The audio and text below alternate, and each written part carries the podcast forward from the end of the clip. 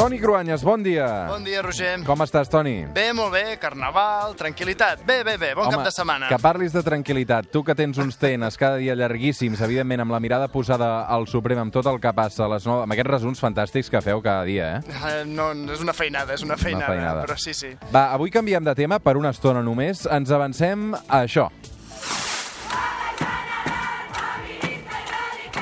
Aquesta setmana que ve serà, sens dubte, la de les reivindicacions de les dones, Dia de la Dona Treballadora, també de molts homes, que evidentment ens sumarem a aquesta vaga el dia 8 de març, una vaga que s'ha convocat i que es preveu de nou massiva, com ja ho va ser l'any passat, Toni. Sí, avui ens volem sumar a la falta de visibilització des de sempre dels problemes específics de les dones. I per això et proposo que ens fixem en un capítol històric que crec que molt poca gent coneix i que, en canvi, va significar un dels canvis més importants del segle XX per les dones i per tota la humanitat. Avui amb el Toni Cruanyes una altra història, la invenció de la píndola anticonceptiva. Conceptes com l'educació sexual o el control de la natalitat històricament han estat un tema molt tabú. Sí, però des de que hi ha textos escrits hem trobat exemples de com les dones han intentat evitar quedar embarassades amb tot tipus de tècniques. Per exemple, a l'antic Egipte feien tampons amb fulles de te molles, amb paper humit amb oli o amb esponges sucades de vinagre. Més endavant, quan els homes també prenen consciència de la necessitat que les seves dones no quedin embarassades, apareixen els primers preservatius per als homes, condons fets des de fulles o amb membranes de budells de xai. déu nhi uh, Tot i així, a principis del segle XX eh, hi havia pocs homes que estiguessin preocupats precisament per la planificació familiar. Eren les dones qui se n'ocupaven. Sí, perquè elles n'eren les principals víctimes. Tenien embarassos no desitjats, patien infeccions. En un llibre del 1920 es descriu les situacions de les dones que van anar al primer centre de planificació familiar que es va crear a Nova York i el llibre diu hi havia cues llarguíssimes de dones que venien amb roba vella i bruta, amb nens als braços, els cabells molt curts perquè no tenien temps ni diners per cuidar-se. Les dones solteres d'aquella època a Manhattan compartien pisos minúsculs, en grups de 6 o 7. N'hi havia una a la fila que explicava que havia tingut 15 fills, dels quals només n'havien sobreviscut 6. Una altra li deia a la infermera, si no m'ajudeu, trencaré un got de vidre a trossos i me'ls empassaré aquesta mateixa nit. Moltes dones eh, vivien una situació desesperada i els homes que tenien poder doncs, no en feien cas. La moral tradicional no permetia que s'afrontessin de cara aquests problemes. De fet, el puritanisme nord-americà d'aquella època prohibia per llei que es publiqués o que s'enviés per correu informació sobre control de natalitat per obscena. En aquell moment, perquè ens situem, és quan el moviment feminista estava immers en les campanyes per aconseguir el vot. És el temps de les sufragistes.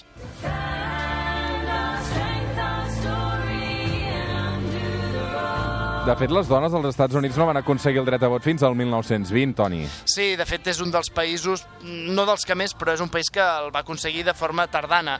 D'aquelles campanyes, protagonitzades per dones de totes les condicions als Estats Units, destacarem l'amistat que va néixer a Nova York entre una infermera d'origen irlandès i humil, Margaret Sanger, i una rica hereva, Catherine McCormick, propietària d'empreses tan grans i encara conegudes avui com Pullman, Otis o Kellogg.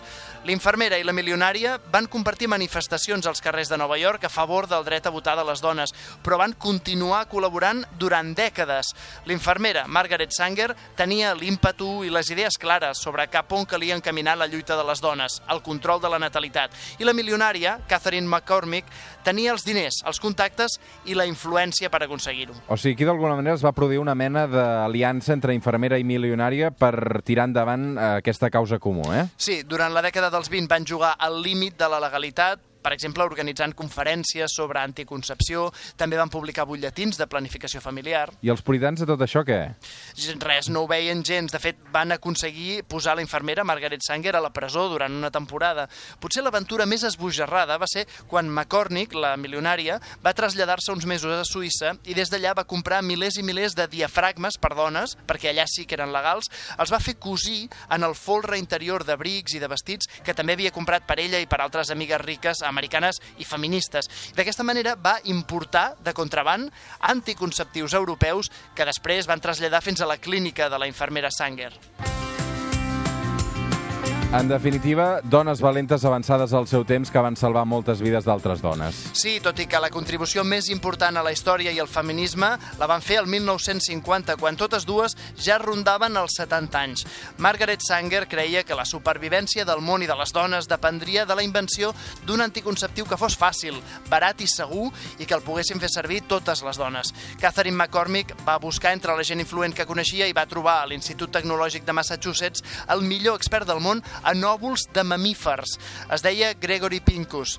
Li va proposar que investigués per aconseguir el que demanava Margaret Sanger, una píndola anticonceptiva. Una cosa que fins aleshores ningú havia estudiat o ningú havia intentat que es produís, no? Sí, la indústria farmacèutica era encara incipient, si la comparem amb com és ara. Les investigacions ja es feien si ho volien els governs o segons la demanda del mercat, i el puritanisme no havia permès que cap govern hagués demanat o finançat aquest tipus d'investigació, ni tampoc els empresaris farmacèutics ni les autoritats mèdiques. Mm, I com van aconseguir que es desenvolupés aquesta píndola? A través d'una cosa que llavors sí que demanaven els laboratoris, estudis amb hormones sintètiques. Gregory Pincus va parlar amb un especialista que llavors, fixa't, estava produint una hormona per la fertilització d'animals de granja per evitar embarassos múltiples i un altre científic que buscava un tractament hormonal que ajudés a les dones que no podien tenir fills. O sigui que cap dels especialistes no tenia com a objectiu precisament arribar a la píndola. No, no, ni s'ho havien plantejat. De fet, quan van aconseguir-ho i ho van fer públic, van trigar anys a tenir el reconeixement suficient de la indústria farmacèutica com per acabar produint i venent l'ara ja conegudíssima píndola anticonceptiva. Clar, m'imagino que aquí la, la, la indústria farmacèutica eh, també devia tenir por de comercialitzar-la, no, al principi? Exacte. Per això les dues amigues, Sanger i McCormick, es van gastar fins a 2 milions de dòlars de la seva pròpia butxaca per la investigació. Després de tots els obstacles, la indústria nord-americana ja va donar-se que la dècada del 1960 ja hi havia una massa crítica de dones que demanaven alliberar-se i que estaven disposades a comprar i fer servir la píndola. I darrere les dones, els homes també ho van entendre. De fet, es calcula que només 5 anys després de la sortida al mercat de la píndola, una quarta part de les dones casades dels Estats Units ja la prenien. Una revolució. Sí, va ser una gran revolució, d'això no hi ha dubte. Ara encara es posa en dubte alguns per qüestions morals, d'altres també pel que pot significar en el llarg termini els efectes secundaris la utilització de la píndola per part de les dones. Però vaja, un invent molt petit, una píndola, va fer un canvi enorme per les dones de tot el planeta. Don't you know? Talking about a revolution. Sounds Avui arribarem fins les 9, Toni, més que justificat amb aquesta cançó que parla de revolucions, Talking About a Revolution, Tracy Chapman. Uh, et sembla bé? M'encanta Tracy Chapman, o sigui que perfecte. Divendres que ve vaga, Toni. Divendres que ve vaga i diumenge tornem amb tu, eh? Una abraçada ben forta. Que vagi bé.